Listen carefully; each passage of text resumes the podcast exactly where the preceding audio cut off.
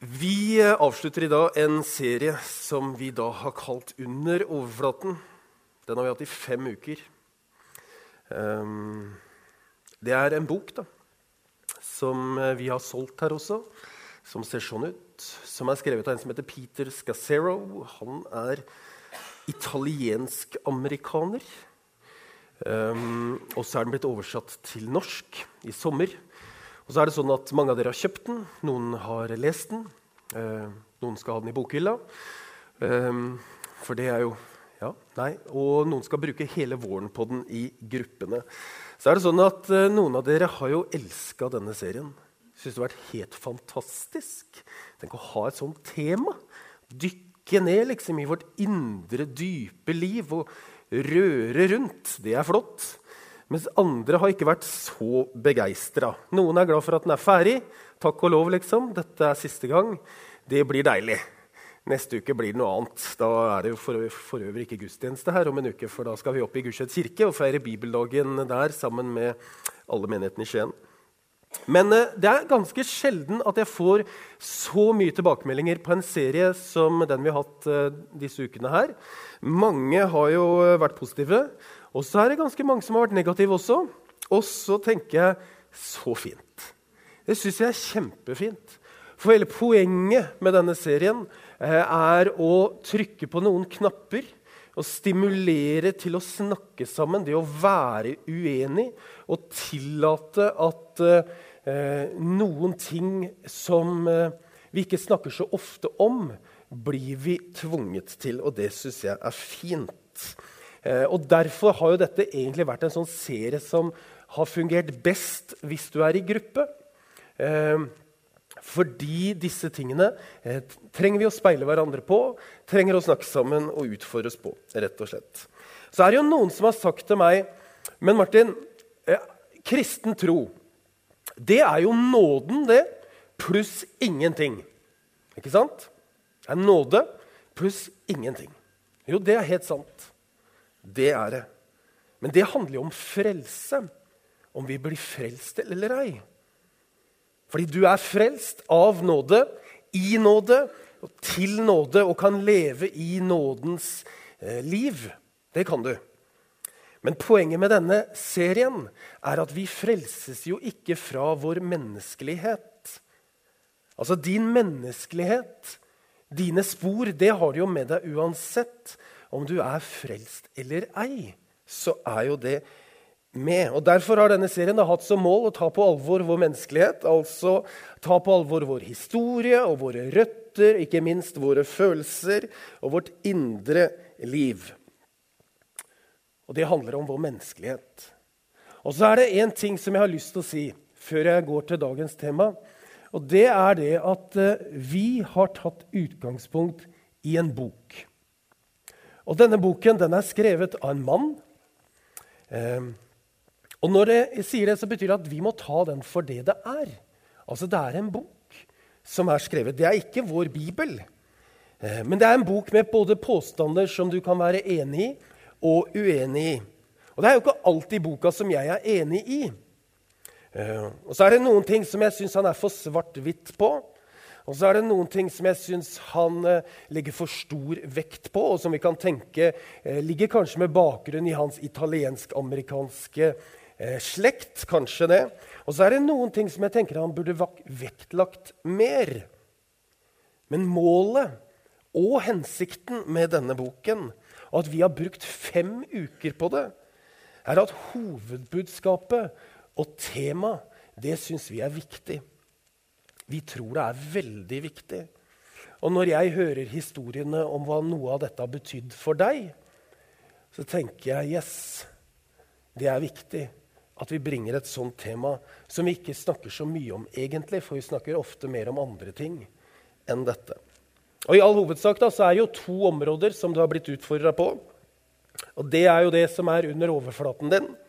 Altså det at vi trenger å forstå og anerkjenne det som foregår på innsiden av oss. Følelsene våre, røttene våre, historien. Forstå det, kjenne til det, eh, akseptere det. Eh, og integrere det med troslivet vårt på en sunn måte. Det er det ene. under overflaten. Og Det andre brukte Torbjørn Glenna ganske mye tid forrige uke på.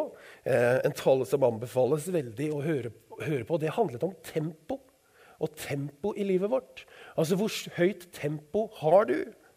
Er livet ditt sakte nok til å prioritere og bruke tid sammen med Jesus? Når opplever du at du virkelig får pusta ut og slappet av? Og har du noen aktiviteter eller steder eller mennesker som gjør at du kan puste ut? I dag skal vi snakke om dette som, han, som, betyr, eller som det betyr, det står, en ny livsregel. Det er det siste kapittelet i boka. Og en regel det kommer fra det greske ordet 'trellis'. Og 'trellis' eh, er et annet ord for espalier. Og for dere som er veldig glad i blomster, og sånt, så vet dere at en espalier, eller la oss kalle det en trellis, det, det, det er det vi knytter sukker, nei, det, sukkerertene på, og binder rosene opp etter, og vinranker for de som har det i, i drivhuset sitt. Heldig er du. Eh, eller andre blomster. Og det gjør det at blomstene vokser bedre. Det blir bedre frukt enn hvis det bare ligger på bakken. Og da en livsregel, da, eller en livstrellis, hjelper oss i å forbli i Jesus og bære mer frukt. Det er bildet. Ganske enkelt. Det betyr at det er en bevisst, men enkel plan for å ha med Gud i alt det du gjør. Og så er det en forutsetning for dette, og det er at du vil det. Fordi hvis du ikke vil det, så har ikke noe hensikt. Da kan du lage alle livsregler du vil. Men hvis du ønsker at Guds nærvær skal gjennomsyre livet ditt, så kan det hende at en livsregel kan være til hjelp. Ok? Hvis du ikke ser vitsen med det, så har det jo ikke noen funksjon heller. Og Skassero, han deler da Hører jeg blir mer og mer hes? Er det sånn gammel, gammelmannssyndrom? Det er akkurat som i ryggen. Mm. Han deler opp da livsregel i fire, fire hovedelementer. Det er bønn, det er, det er, hvile, det er arbeid og relasjoner. Det er lov å le. Eh, og Vi skal gå gjennom alle fire. Og under alle fire så er det ganske mange andre underkategorier. Og så får du oppsummert alt til slutt. Og i tillegg så står alt til slutt det står på oppfølgingsarket som du får i gangen hvis du vil. Og ellers også legger vi på nett også, så her er det service. Men bønn som en av fire kategorier. Så er det lov å si det at du, du, Dette er jo eksempler på hva en livsregel kan inneholde. Eh, og det betyr at det er eksempler. Så det kan jo hende at noen er plassert i feil kategori for deg. Og kan hende du tenker det var rart. Eh, det kan ikke jeg skjønne at jeg har nytte av. Eh, så jeg putter inn noe annet. Men alt er lov, og dette er et eksempel. Er ikke det fint? Yes, det er deilig. Det er flott. Bibelen hører inn under da bønn som en livsregel. Altså handler, en livsregel handler om hva vi gjør på daglig basis eller ukentlig basis. ikke sant? Henger dere med? Nikke? Ikke alle hang med? Det er det vi, på en måte som vi prøver å inn, ha med oss av ting i livet vårt som gjør at lette, altså vi gjør det lett for oss å være sammen med Gud. Eh, og Bibelen er jo noe av det grunnleggende i den kristne tro. Vi tror jo at Gud primært taler gjennom Hans ord, altså gjennom Bibelen. Og Det betyr at hvis du ønsker å høre Guds stemme, så leser du Bibelen, for der får du høre Hans røst. Og så er det mange måter å lese i Bibelen på. Det er noen som bruker bibelleseplan, det er noen som leser fra perm til perm, det er noen som tar et brev. Men du trenger på en måte ikke ta et kapittel hver gang. Du kan ta noen vers, du kan bruke en sånn, en sånn eh, mal, eller, Det er en i Misjonskirken Norge som har hett Edin Løvaas. Han er død nå, men han var grunnlegger av eh, retreatbevegelsen i Norge og var veldig opptatt av det som heter Jesusmeditasjon. Da tok man en historie fra Bibelen, og så satte man seg inn i den historien og levde seg inn i den historien. osv. Eh, det er mange måter å lese Bibelen på, men vi tror at Bibelen er det sentrale i en livsregel. Det andre det, nå gikk jeg litt fort, det andre er stillhet og ensomhet. Det er egentlig det Torbjørn snakka om sist. Kanskje noe av det som er mest vanskelig for oss. Å velge å være ensomme i stillheten en periode i løpet av en dag. Puste ut og puste inn og være stille. Torbjørn snakka også om det som er daglig bønnerytme. Og for noen så syns de det er veldig fint å ha en alarm på telefonen sin som ringer en tre-fire ganger i løpet av en dag, som minner deg på at nå skal jeg puste ut og puste inn og være sammen med Gud i ett minutt og roe ned. Det er en form for en kitebønn. Så jeg er veldig glad for at Skasero bruker studier i bønn. Jeg kunne egentlig putta studier i hvile modus som kommer etterpå. Men å, stu, å studere betyr å fordype seg i. Eh, kanskje gå på et kurs eller seminar eller en konferanse. Kanskje lese en bok. Jeg er veldig glad i å lese bøker og bibelkommentarer. Det er mange måter å studere på, men, men at man bruker noe tid eh, på å gå liksom i dybden på den kristne troen. For det tror vi er med på å legge et grunnlag for en, en dypere og stødigere tro på Jesus. Dette er noen av de elementene som er da i bønn. I hvile så står, er det første det er hviledag. Eh, tradisjonelt så tenker vi at det er søndag. Og så tenker du, Martin nå, Vi vet jo at du bare jobber på søndag. Eh, og nå virker det ikke som du jobber så bra heller. Men hva slags dag har du fri? på en måte? Men det å ha en dag i uken som vi bare hviler, det vet jo vi er bra for kroppen vår. Det er bra for hodet vårt, og vi tror det er bra for oss generelt i samfunnet å ha en dag som er litt annerledes, hvor vi kan stoppe opp og få liv i perspektiv og tenke oss om på hva vi holder på med, og slappe av. Enkelthet. Det er litt sånn Trenger du alt du tror du trenger? Trenger du virkelig alt du tror du trenger? Eller kan du klare deg med ett kredittkort istedenfor fem? Trenger barna dine å gå på 14 aktiviteter i uka, eller holder det med én og to? Og hvor bevisst er du på hvordan du bruker penger? Har du plan for givertjenesten din, eller har du en plan for hva du skal bruke penger på? Enkelthet er en, eh, en måte å hvile på, faktisk. Å leve enklere lek og avkobling. Jeg syns generelt at vi har for lite gøy i kirken. Kan du si, ja, Vi har jo gøy når vi drar på Menighetsviken. Det er veldig gøy å dra på Liv og Vekst. Og for dere som ikke har dratt på Liv og Vekst enda, som er Misjonskirken Norges sommerfestival i Stavern, det er veldig gøy. Og så ja, så har vi det gøy når vi er Adventsmøtene er ofte ganske gøy. Um, og syns jeg i hvert fall, rent subjektivt. Og når vi har medarbeiderfest, da har vi det gøy. Men vi har det for lite gøy. Og jeg tror vi undervurderer verdien i å ha det gøy. Det tror jeg. Og jeg tror også at noen av oss syns at kirkelivet er for alvorlig og viktig til at vi kan ha det gøy. Derfor unner vi oss det ikke. Hvordan er det med livet ditt? Er det for alvorlig til å ha det gøy? Jeg skal si noe mer om gøy seinere også. Det er en som har sagt at livet kan være vanskelig, så vi får ha det gøy når vi kan. Arbeid Det syns du var gøy, Torben. Det er bra. Det likte du. Ja. Det tar du med deg fra dagens tale. Det er bra. Mm, ikke sant. Vi har alle vårt. Ja. Tjeneste og oppdrag. Arbeid er jo på en måte alt arbeidet vi gjør. Og tjeneste og oppdrag så kan du tenke, ja, Snakker du bare om tjeneste i menigheten nå, da, Martin? Nei, det gjør jeg ikke. Men jeg lurer på på hvilken måte inviterer Gud deg til å tjene ham med de gavene du har, i den jobben du har, eller i tjenesten du har. Og Kan du tenke over på hvilken måte bruker du gavene dine, talentene dine, energien din for andre? Så det kan bety noe for andre. Ja, Det er mye vi kan si om tjeneste og arbeid. Jeg tror det holder. Ta vare på kroppen, og da tenker du Martin, nå, det har ikke du gjort som har så vondt i ryggen. Og det kan stemme. For jeg skulle trent forrige uke så jeg ikke hadde fått vondt i ryggen. For det må jeg. Så er spørsmålet tjener, nei, trener. Trener du jevnlig? Det er jo eh, noen som syns at det å ta vare på kroppen er like åndelig som bønn og tilbedelse. Gud har jo gitt oss en kropp. Eh, og kanskje du skal inkludere trening i din livsregel. Det kan hende. Det står vet du, i Salme 127, hvis vi tolker den litt om, så står det at søvn er en gave fra Gud. Det står ikke det bokstavelig, for det står noe annet, men hvis vi tolker det, så står det egentlig det.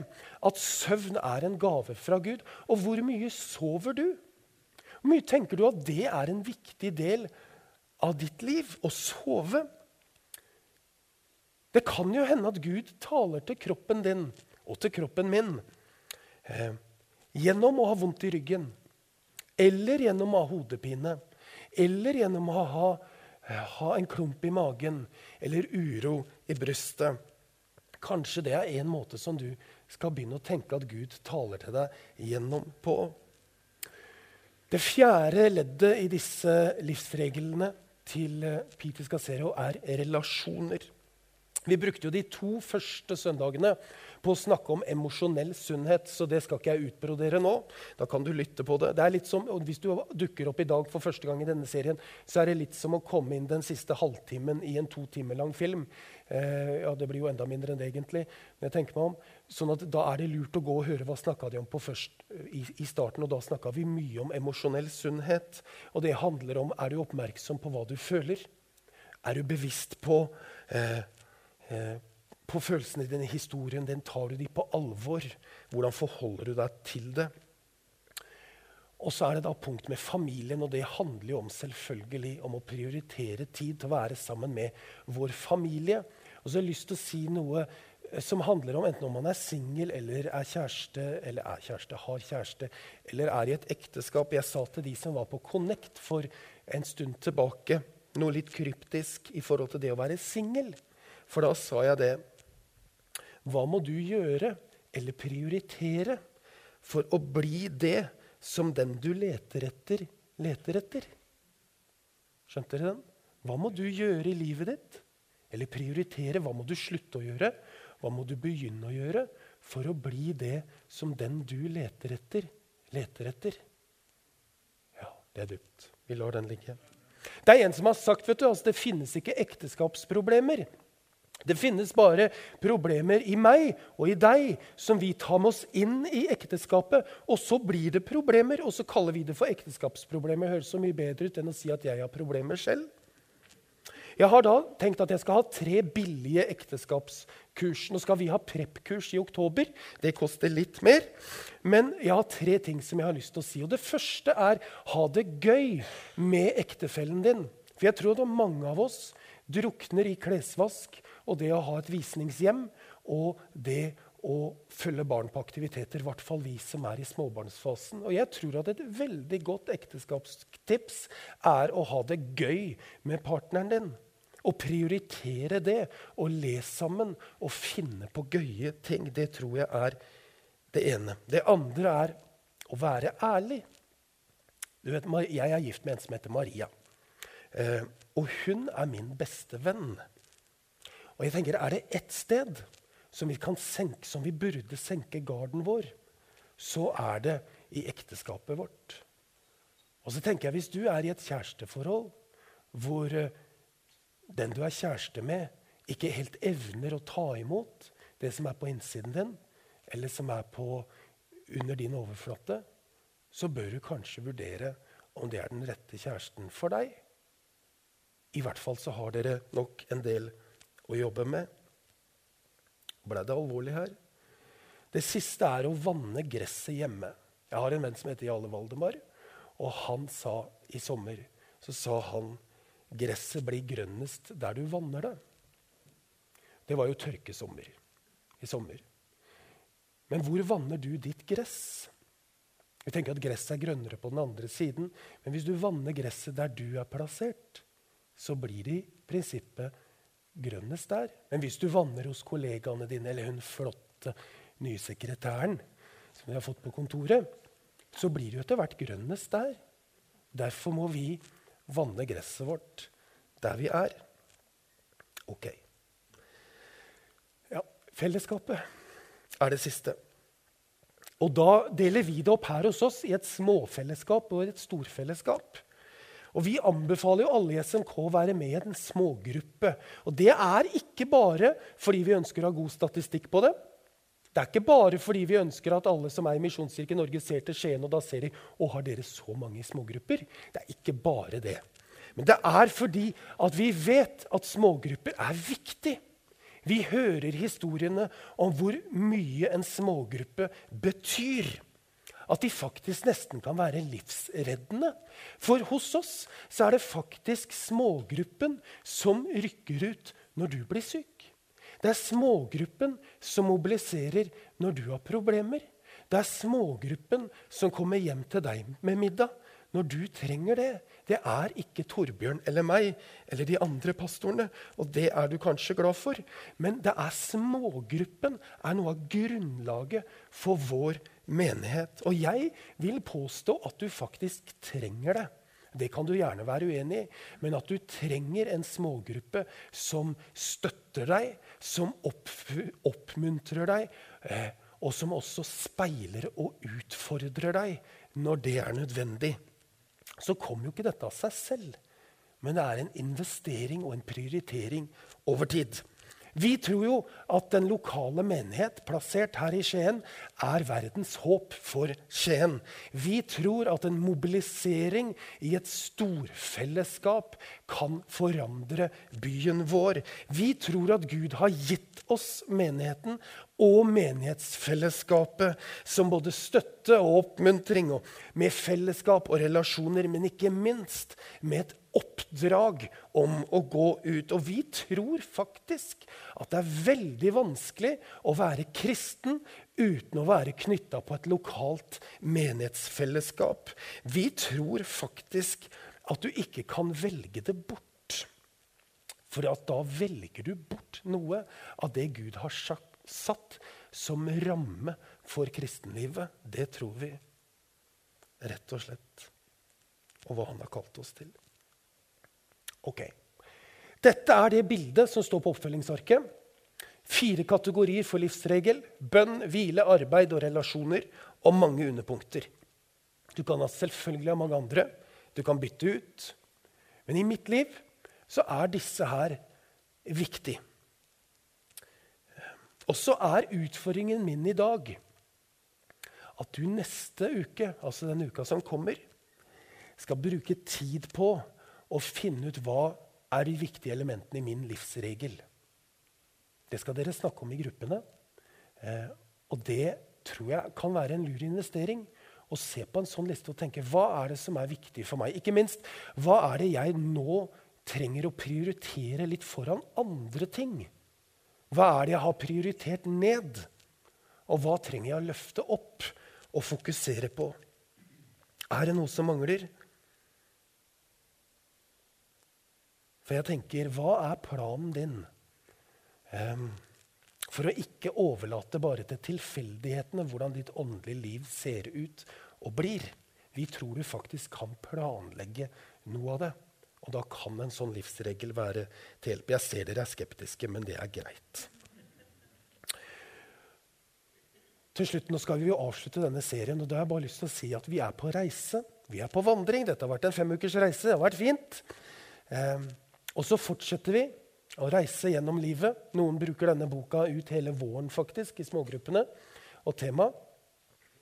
Og så vil livet føre oss på noen omveier, noen vanskeligheter. Men ikke glem å koble Gud inn i reisen din, og ikke glem å koble mennesker inn på reisen din. Skal vi be en bønn? Far i himmelen, takk for er du, at du er med oss gjennom alle ting. Og takk for at vi kan invitere deg til å være med oss på vår livsreise. Takk for at du har en sånn uendelig omsorg for oss. Takk for at du sendte Jesus til verden for at vi skulle være sammen med deg for alltid. Og takk for at du alltid er nær. Nå ber vi, Herre, om at du skal eh, hjelpe oss til å koble deg på. At vi skal koble deg på de områdene i livet vårt som er viktige. Jeg ber om at vi skal prioritere riktig. At vi skal se det som vi kanskje ikke har sett før, Men at du er med oss, ikke bare på søndagene, men eh, når vi er på jobben, og når vi er hjemme, og når vi er sammen med barn eller barnebarn, så er du der. Hjelp oss til å stoppe opp og, og puste i livene våre, sånn at vi ikke bare eh, halser etter og blir utbrent og slitne, men at vi kan eh, være stille og lytte. Hjelp oss til modenhet i troen på deg og i vårt liv. I Jesu navn. Amen. Skal vi synge en sang? Nei, det skal vi ikke. Vi skal høre.